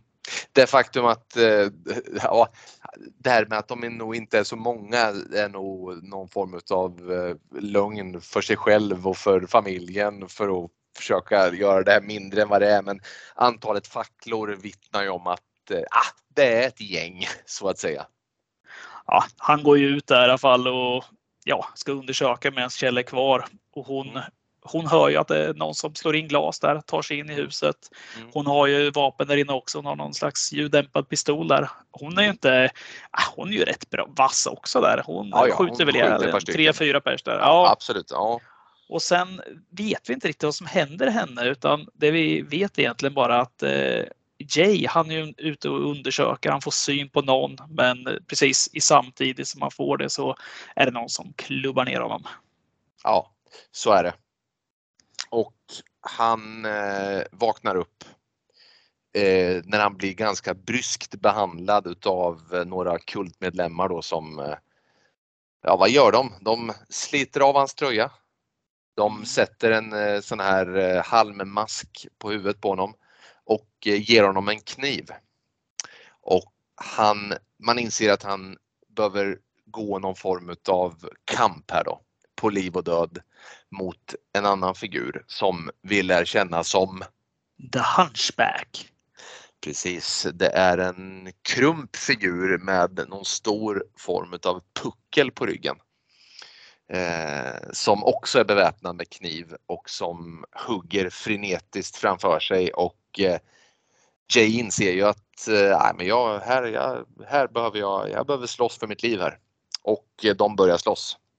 Man märker väl ganska snabbt att den här The Hunchback är ganska förvirrad. Det, det ser ut att vara antingen är det någon som är lite förståndshandikappad skulle jag nästan säga mm. när jag såg den och tänkte så här, men det här är inte bra.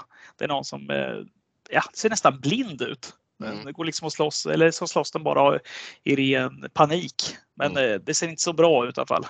Nej. Men Jay han, han hoppar ju runt där i bästa Muhammad Ali-stil skulle jag säga mm. och eh, ja. han sätter väl två, tre snabba stick där med kniven innan mm. han lyckas få ner den på, ja, sparka bort benen på den. Sen, sen går han berserk. Sen är det eh, ja, Perkins-stil på när han står och hugger med kniven.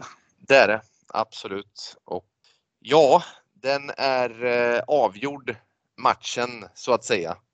Eh, det är den och den här The Hunchback har ju då haft någon form av lakan på sig. Vi hade liksom kunnat se vem som är där under och eh, när det lyfts på lakanet så är det inte bara en utan det är två personer där under. Mm. Vi har ju Kjell där, frugan, som, eh, som är knivhuggen eh, döendes så möts deras blickar och hon skrattar väl där i något slags... Eh, hon förstår inte alls vad som har hänt skulle jag tolka det som. Mm. Eh, och eh, dör direkt efter.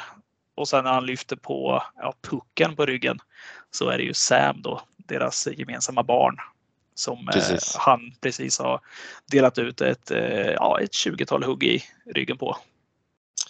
Och det första som jag slås av här då, förutom att det är en ohygglig scen naturligtvis som gör ont att se och bevittna. Det normala från karaktären Jay hade ju varit att eh, löpa amok här. Mm. Men det gör han inte. Han ser bara förvirrad ut. Ja, han står där. Jag tycker inte han uttrycker någonting alls. Han, eh, han står där och han tar inte in vad som hänt utan han är, jag skulle säga att han är helt bortkopplad bara. Mm. Det är liksom, han, ja. Någon har dragit ur sladden. Han, är, han bara är där och där tänker vi lite det här. Vad, ja, det som händer är ju att alla de här i kulten börjar ta av sig sina masker och vi ser att den här doktorn är där, klienten är där.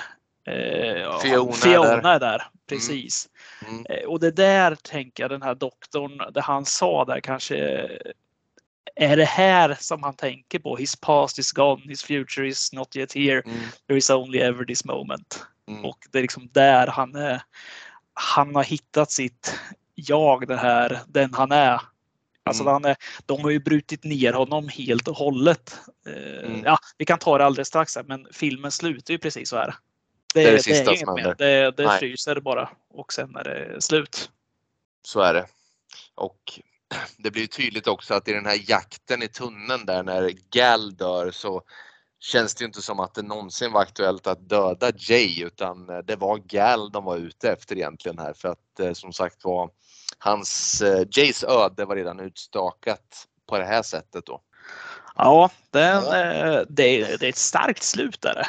Ja, det är verkligen, verkligen starkt och jag fick, jag kände ju att under en scen i början där så har ju eh, har ju Sam då sonen på sig en liten så här, du vet riddardräkt och rider på eh, mamma Kjells axlar då, eller rygg och fäktas mot eh, Jay. Och det är ju precis den scenen vi får se igen fast med dödlig utgång och på riktigt då. Det, det, det var det, det, det, första jag tänkte på också att jag, det, där, det där har de redan presenterat en gång i filmen. Liksom. Tänkte du på det? Jajamän, det är ju mycket mm. här som vi var inne på förut där med hans eh, ridderligheter. Han pratar mm. om eh, kung Arthur och ja, nej, men det, den scenen är exakt eh, Ja, den är väldigt ja. lik där de står och Ja, verkligen. Och, och, men, men sen så det finns ju väldigt mycket frågetecken ändå tycker jag här. Eh, som sagt, det andra jag slås av är ju att eh, Sam, tack och lov då, han verkar inte ha gud förbjude vad som hände under det där täcket så att säga, eller lakanet och hur, hur liksom de mådde där och då. Men på något sätt så verkar hans död ha blivit ganska men så smärtfri den kunde bli i den bemärkelsen. Men det man slås av är ju att Kjell, att hon skrattar till som sagt var.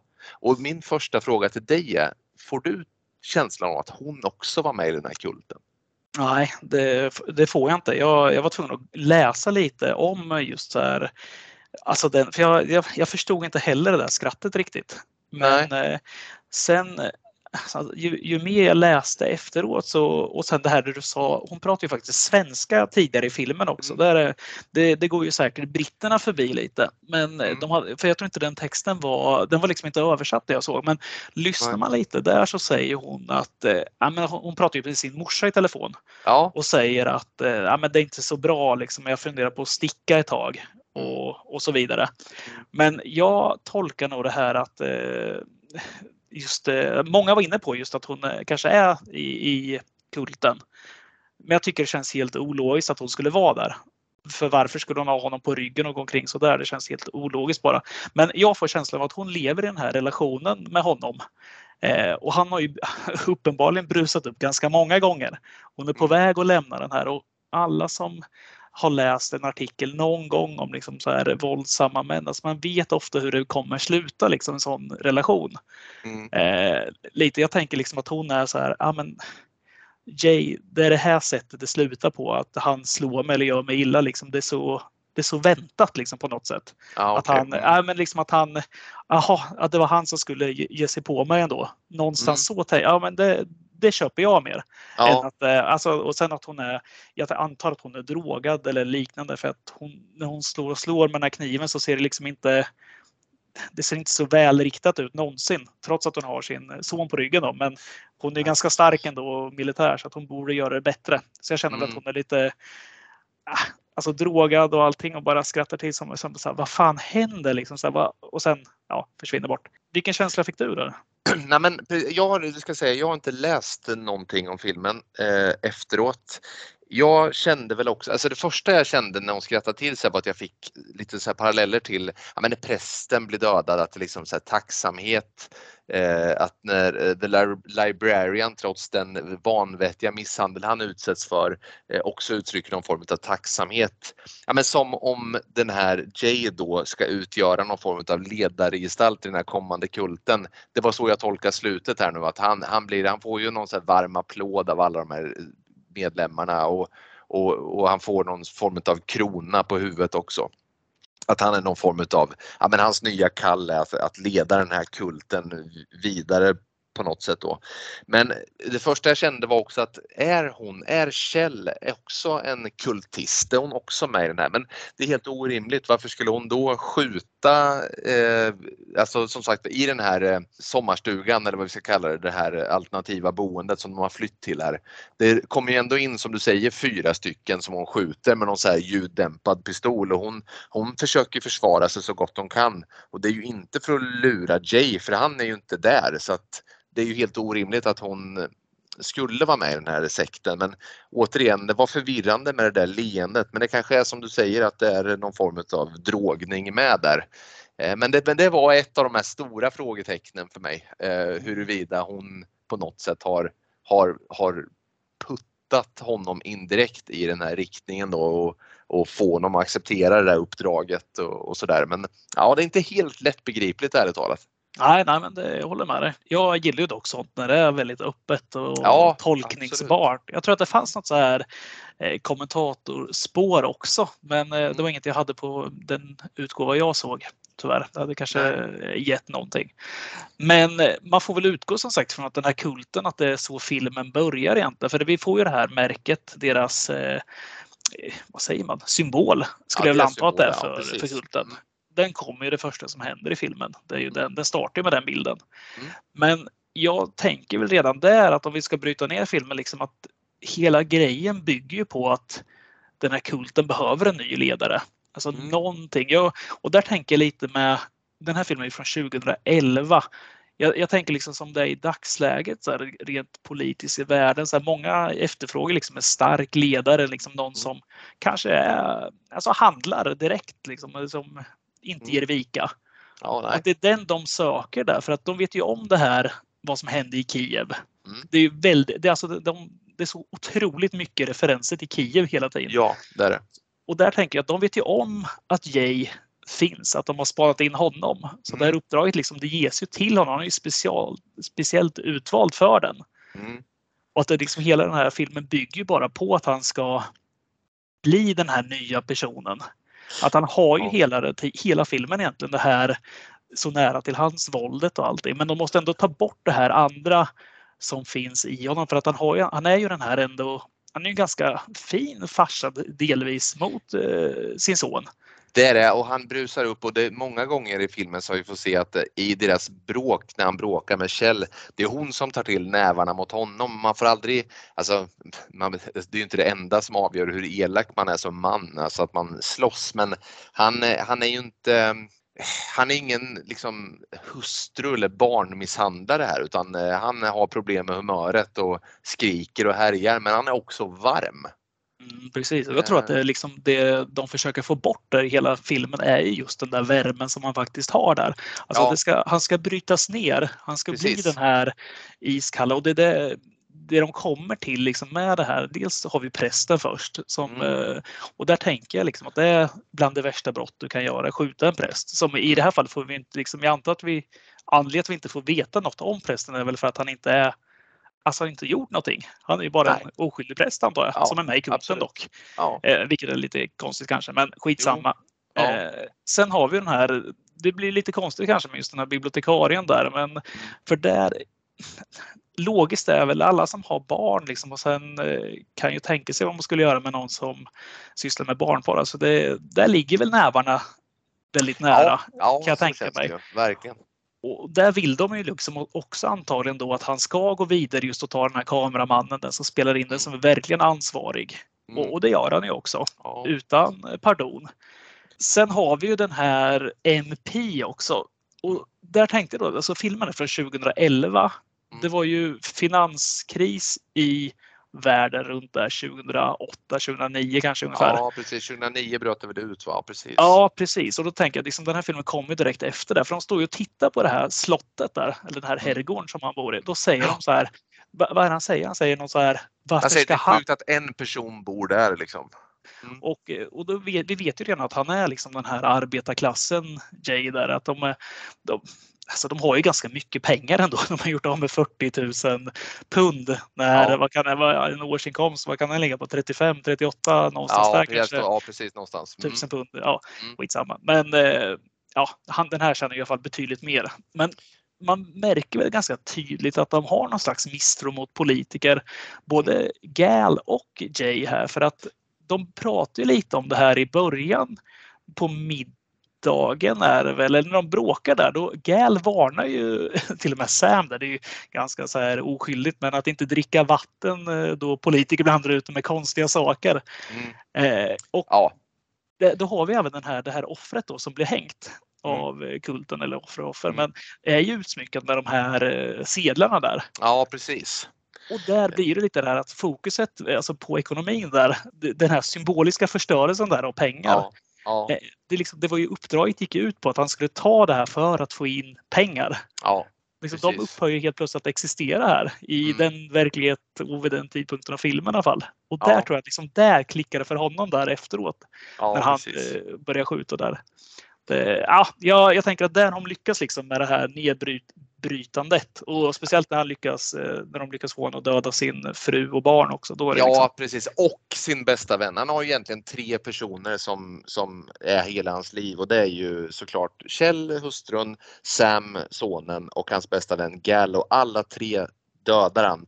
Även om det i Gals fall är att han är av barmhärtighet så är det ju faktiskt han som dödar honom. Ja, och där tänkte jag så här, den här listan han fick, att det var liksom en killis på tre personer. Ja, att det, det var de då, ja, ja, att det var de som man skulle döda. Det var precis det jag skulle komma till, att det var, det var så att säga, det var min slutgiltiga tanke när filmen var slut att Killist var inte prästen, bibliotekarien och den här MP-snubben utan det var just familjen och Gal som var den riktiga killisten så att säga. Ja, men exakt. Och då har vi även det här såret han har i sin eh, hand där. Nu är det väl bara ett vanligt sår som man får där av den här kniven och med någon, mm. någonting som sprider sig, någon liten infektion, inget konstigare mm. än så. Mm. Men det han gör, det, alltså den, den eh, ju längre filmen går ju värre blir det ju givetvis. Mm. Någon slags mm. metafor där. Mm. Och jag antar att precis när Gal har blivit, eh, när han har skjutit honom och står i den här eh, landstället, då står han och skär upp sitt sår. Kommer du ihåg det? Eh, ja, ja och karvar i sin egen hand ja, på något sätt. Ja, ja precis. precis.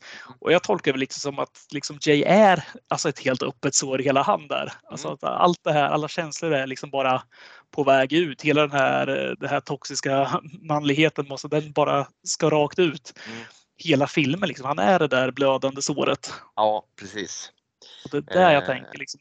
Om han, ja. Det finns ju den här boken, den som eh, vad fan heter den? Eh, Mörkrets hjärta. Ja. Den som Apocalypse Now, Ap ju, Apocalypse Now bygger på, ja precis. Exakt. Mm. Och där är det ju liksom om hur, vad ska man säga, liksom hur alltså vilka, den moral, den, den moraliska värderingar du har Mm. i, i en viss miljö och situation. Då. Och sen hamnar du i en situation där den här, de här moraliska begränsningarna och hämningar inte längre är nödvändiga. Det känns liksom att den här filmen är, den följer den ganska bra. Ja, så är det. Han Precis. ju där liksom att han har inte de här, han är inte kvar det längre. Nej, nej. Och det är det jag tänker i slutet, där allt har upphört liksom. Och det, Ja. därför han står med den här, den här blicken. Han är helt tom. Han är Ja. helt noll. Så han är, som de säger eh, med, ja, vad fan säger han, klienten, som jag var inne på förut. A reconstruction. Reconstructed. De har ju reconstructat honom igen ja, här. ja, så är Han det. som är ju helt ny. Ja, jag tycker det var härligt där. Jag tyckte det var, gjorde de, de gjorde det bra. Ja, det var riktigt bra. Det, som sagt var, det här, som sagt, när vi, vi poddar du och jag, så här, vi brukar vara ganska mycket så här eh, skämt, men eh, i den här filmen känns den, den, den är, eh, det, det, det är inte mycket att skämta om i den här filmen. Alltså, den är allvarlig, den är eh, nattsvart och den är, den är, eh, den är kvar Igår kväll när jag såg den, så när jag släckte lampan och skulle sova så var den kvar på näthinnan, den här filmen Mm. faktiskt. Den gnager sig fast gör den lite. Den, Ja, Det gör den. Och, och jag tycker det på, alltså han lyckas så bra med det just för att eh, det blir ganska mycket, det, det är historiskt som skräckfilm, jag vet inte om man, man är så jätte, om det är så jättemycket skräck innan de här sista kvarten kanske. Ja, nej men precis. Ja, men jag kan, men, men det jag kan säga och det där är ganska intressant också. Det har ju kanske inte så mycket just med den här filmen att göra, men alltså just den här distinktionen. Vad är skräckfilm och vad är skrämmande och vad är inte skrämmande? Om jag tänker så här att när man ska börja introducera, för så pass mycket älskar vi ju skräckfilm, både du och jag, att eh, någonstans så kommer vi ju, ju så här, vara drivande i att barnen ska upptäcka denna fantastiska genre också. Så kan jag säga att The Kill List från 2011 kommer vara det, det, helst ska de vara 18 när de ser den här filmen för det här är inte fredag den 13 del 6. Det här är inte Exorcisten liksom. Det här är något annat, mycket svartare än så och, det, och, och, och den här ah, It's not to be taken lightly den här typen av filmer alltså. Nej, vi, vi brukar ju annars vara ganska bra på att se filmer med lite glimten i ögat tycker jag. Och Ja. det här var, det finns inte alls där. Det finns inte en ljusglimt i hela den här filmen. Det, det är nattsvart. Eller det, den går ju från att ha lite hopp där i början tycker jag och sen, en, sen går det ju bara, ja men det är ju mörkrets hjärta rakt igenom. Det är ett jäkla spiral ner i förfallet. Den känns smart den här filmen. Den känns eh, som att den har en idé som den som sagt inte trycker upp i ansiktet på en. Och som sagt var, den eh, angriper och den griper tag. Och ja, fan. Ja, jag gärna rekommenderar den och samtidigt så vill jag att eh, rätt, alltså så här, min morsa brukar lyssna på podden och nu talar jag rakt till dig mamma och säger att det här, den här är nog inget för dig. Det kan du hoppa över. Man, man jular inte efter man har sett den. Nej, det gör man inte. Men, men, men, men du, har, har du något mer du vill tillägga om den här filmen? Sådär som vi inte har berört eller som du känner att du har noterat på någon lapp? Eller så. Jag hade llite stödpunkter här men nej, jag tror faktiskt vi har gått igenom allting där. Jag, nej, det tror jag inte. Jag, jag tycker, det, vet du vad jag, jo, Jay och Gal där, alltså de skådisarna. De Mm. hade för jäkla bra kemi. Alltså jag, Ja. De var för mig riktigt bra vänner och de, Ja. eh, de kompletterade varandra så, jä, alltså, så otroligt bra där. Ja, Just Gal var otroligt älskvärd. Jag, jag var nästan lite ledsen när han eh, gick Mm. åt där. ja, verkligen. Det kände jag också. Och jag kände också att det är så underbart när man tar eh, skådisar. Nu är det ju, nu så här, jag vet inte, Kjell känns väldigt vacker. Alltså hon bryter lite mot det var min känsla för jag tycker Jay och eh, ehm, Gal, det, det är liksom, de ser ut som två vanliga snubbar, lite sådär, ser verkligen inte ut som yrkesmördare någon av dem.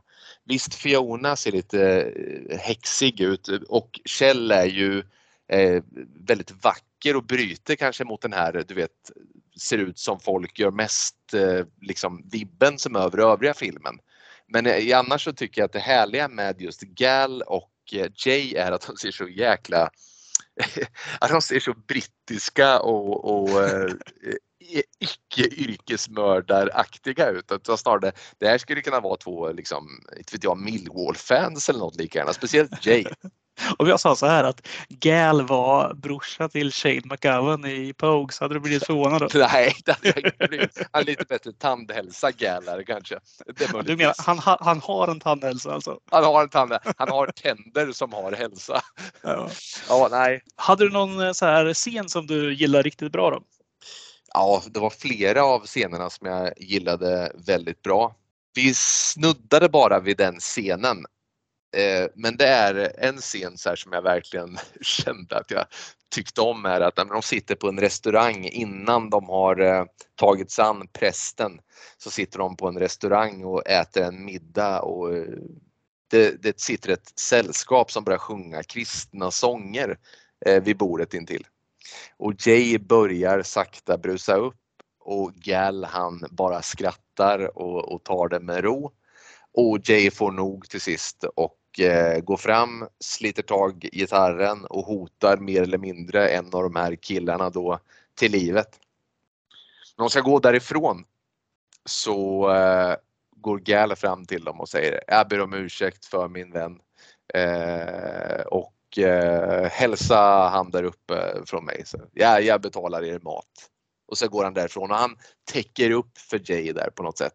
Jag gillade hela den scenen på något sätt för den var så den var inte riktigt som filmen är i övrigt utan den var lite så här varm och humoristisk men ändå lite hotfull. Så här. Jag, jag, jag gillade den scenen. Han bjuder ju även dem på, eller han säger ju till servitrisen där att han ja. ska ge dem drinkar också där. Ja. Orange juice doubles. Ja precis, ja, precis. han insåg att det här är inga människor som dricker sprit direkt. Ja, ja men det, var ju, det var ju kuken i hjulet att du eh, sa den scenen för det var den jag satt och tänkte på också. Jag tyckte den var riktigt bra. Där, just där hade de så otroligt bra samspel där. Ja. Och sen han eh, Neil Maskell då som spelar Jay, alltså hans eh, det här när han sitter och irriterar sig på dem. Ja. Det, är, alltså det är så bra. Jag, jag ja. känner igen mig så jäkla väl där. Ja. Det är som när du går på bio och sen någon sitter och, och börjar prata i telefon eller pratar och du blir irriterad. Och det, det, det bara rinner över för honom. Det är så ja, underbart att se där också. Han sitter... Det är så snyggt också att Gal skrattar. Han snittar. Det, det, det, riktigt, det där är inget skådespelarskratt utan han skrattar ju åt att han börjar bli så förbannad och det är så oerhört välspelat där. Ja, verkligen. Jag, jag håller med helt om scenen där. Jag, jag, jag tyckte många scener var riktigt bra, mm. men om man ska ta så små grejer så tyckte jag annars det var bra med alla så här hintar i filmen. Jag tycker om det att de lyfter Kiev, Kiev flera gånger mm. just eh, så att man ska få veta att det liksom är en stor del. Sen tycker jag allt det här andra, just det här att han kröns till kung där i slutet. Mm. Eller kung, alltså till ledare och mm. kungledare av eh, den här kulten. Mm. Då har de smygt in så många gånger annars i filmen också. Just när han mm. sitter på den här trasiga jacuzzin. Mm. Så filmar, då är kameran underifrån. Han sitter som en konung på den. Jag vet inte om du tänkte på det? Ah, när han sitter det, där på filmen, om du kommer ihåg nu, så sitter han, ja. dricker, han sitter där med en lång burk i handen och röker en cigg. När Fiona och Gal har stuckit hem och timmen ja. är alldeles för sen. Liksom. Precis, eller när han sitter ute i sin trädgård där på sin, sin enda stol och äter sin egna tillagade kaninpyttar. Ja, precis. Just det. Och det, just det är sådana här små hintar hela tiden. Ja. Om, eh, ja, jag tycker det, det är subtilt och snyggt. Det, mm, mm, mm. det, det jag gillar med det här det är att den inte den kastar inte saker i ditt ansikte och säger så här, ja men så här är det. det här, Nej. Fattar Nej. du inte så kan du... det, det, är inte, det är inte liksom en Bondfilm där skurken förklarar varför han ska ha ihjäl Bond och hela världen. Nej. Utan, eh, Nej. Nej. vi vet inte vem som är skurk och vi vet liksom inte, vi vet inte så mycket. Det, man får bilda sin egen uppfattning och jag, jag gillar det. Vad säger du då? Skulle du vilja börja med att ge filmen ett betyg? Mm. Det kan jag göra och eh, jag kommer landa på en fyra på den här. Eh, varken mer eller mindre. Utan eh, jag tycker att den, den är schysst gjord för att det är, det är skitigt. Det är en ganska skakig kamera delvis och jag gillar det för att det tar ner den här liksom att man kommer lite närmare. Det blir naknare. Det blir, det blir inte tillrättalagt någonstans. Och jag gillar att det är okända skådespelare. som, eh, som lyckas så jäkla bra med att förmedla det de är till för i filmen. Man får en bra känsla för de här Gal och mm. Jay. Man, man vill hänga med dem trots att de är totala psykopater. Men så, så får man ändå liksom det här. Ja, men man får lite hopp om dem där. Man, man, man mm. hejar lite på dem. Mm. Jag tycker det är härligt och sen att man inte får saker kastat i ansiktet. Jag gillar det och lämnas med ett ganska öppet slut. Det, det tycker jag om. Hur, mm. Var landar du någonstans? Nej, men, jag, jag ska inte bli repetitiv här utan för jag håller med dig mycket av det du säger. Eh, för min del så, så eh, jag kan inte se den här typen av mörka filmer för ofta. För jag, liksom, jag älskar skräckfilm men jag, jag är lite mer så här, eh, vad ska vi säga, konnässör vad gäller ja, men de här skräckfilmerna som, som kanske håller sig till en lite så du vet man, man vet ungefär, så det tuffar på, det är någon eh, maskbeklädd mördare som har ihjäl ungdomar som beter sig eh, klandervärt eh, eller demoner, demonisk aktivitet och, och det, det, slutar gott i, i någon mening.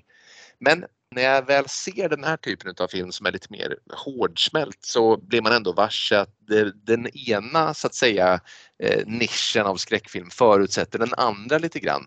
Och det här gör att eh, jag återigen kan uppskatta den för mig vanliga skräckfilmen igen.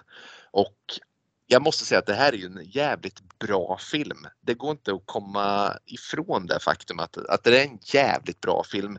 Även om den liksom ibland trampar över gränsen för vad till och med jag eh, eh kan härda ut i, i vissa så här, våldsscener och så vidare. För det, det är nattsvart och det, det, finns inte, det finns inte, den här filmen är inte gjord med ett leende om vi säger så.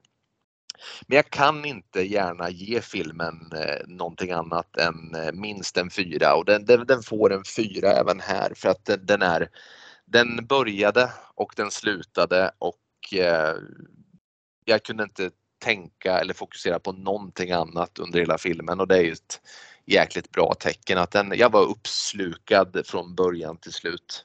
Men eh, som sagt var, jag, jag bar den med mig när jag skulle gå och lägga mig också. Det var inget så som jag kunde vifta bort alltså. Det är ju på gott och ont där, men ofta just det där man lämnar en film och ändå har den i tankarna ett tag efter. Det brukar vara ett gott betyg. Sen eh, kan det vara en film man kanske inte vill se om direkt eller aldrig eh, heller, utan eh, bara den ger ett intryck så ja, men då känns det som eh, något vettigt man har sett. Så är det. Du Niklas hade ju gjort i ordning vad nästa film är, eller är det en serie? Du har hintat lite smått om det. Ja, jag tänker så här nu och det, inget passar bättre än när vi har sett den, denna ganska hårdsmälta eh, film att då kommer jag leda oss tillbaka till värmen igen. Och vi har ju dividerat lite fram och tillbaka om vi ska hålla oss till enstaka produktioner eller om vi eh, ska eh, ge oss på en eh, franchise. Och jag känner inte att vi måste ta ett beslut om poddens framtid annat än att vi gör ett försök till att ta oss an en franchise. Och så kör vi klart den och så får vi utvärdera efter om vi återgår till enstaka filmer eller om det är så kul så att också du känner att du vill presentera en franchise. Men jag har i alla fall eh, förberett en, en, att vi ska ta oss an en franchise och det handlar om en serie utav filmer. Jag vet jag inte om du har sett Ja, du ska få göra en gissning och jag vet inte om du har sett alla i denna franchise i vilket fall som helst. Jag vet ju att du har sett några självklart. Men eh, vad, vad tror du, vad är det vi ska se för någonting? Jag tror att det utspelar sig i någon slags kår och att det finns en mörk karaktär som pratar snabbt och kan göra konstiga ljud. Och eh, de är en slags poliser kanske. En mycket stark karaktär. Eh, en som är sjukt galen. Ja, precis. Vilken jävla vändning i podden det skulle bli. Vi har Polisskolan-podden. Vi är Sveriges enda Polisskolan-podd.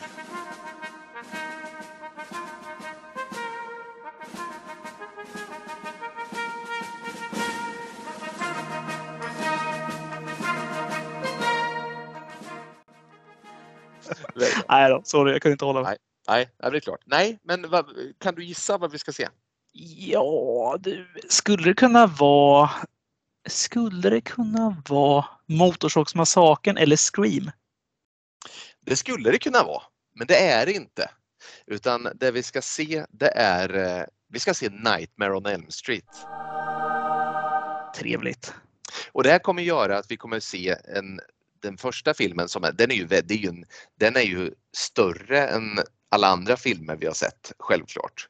Och även andra delar i den här serien. Men vet du vad? Jag har inte sett alla i den här serien. Jag känner att liksom, nu ska vi göra det och vi ska ge dem en ärlig chans på samma förutsättningar och samma grund allesammans. Och vi börjar med den första och slutar ändå med Wes Cravens New Nightmare tänker jag och jag tänker inte att vi ger oss på nu i alla fall Freddy vs Jason eller den här nyinspelningen utan vi, vi ser del 1 till del 7 helt enkelt.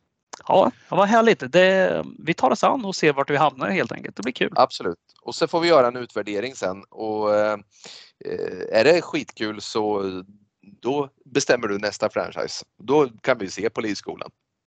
Detta var allt för detta avsnitt. Ställ in kryddorna i kylen så försvinner vi i nattens mörker.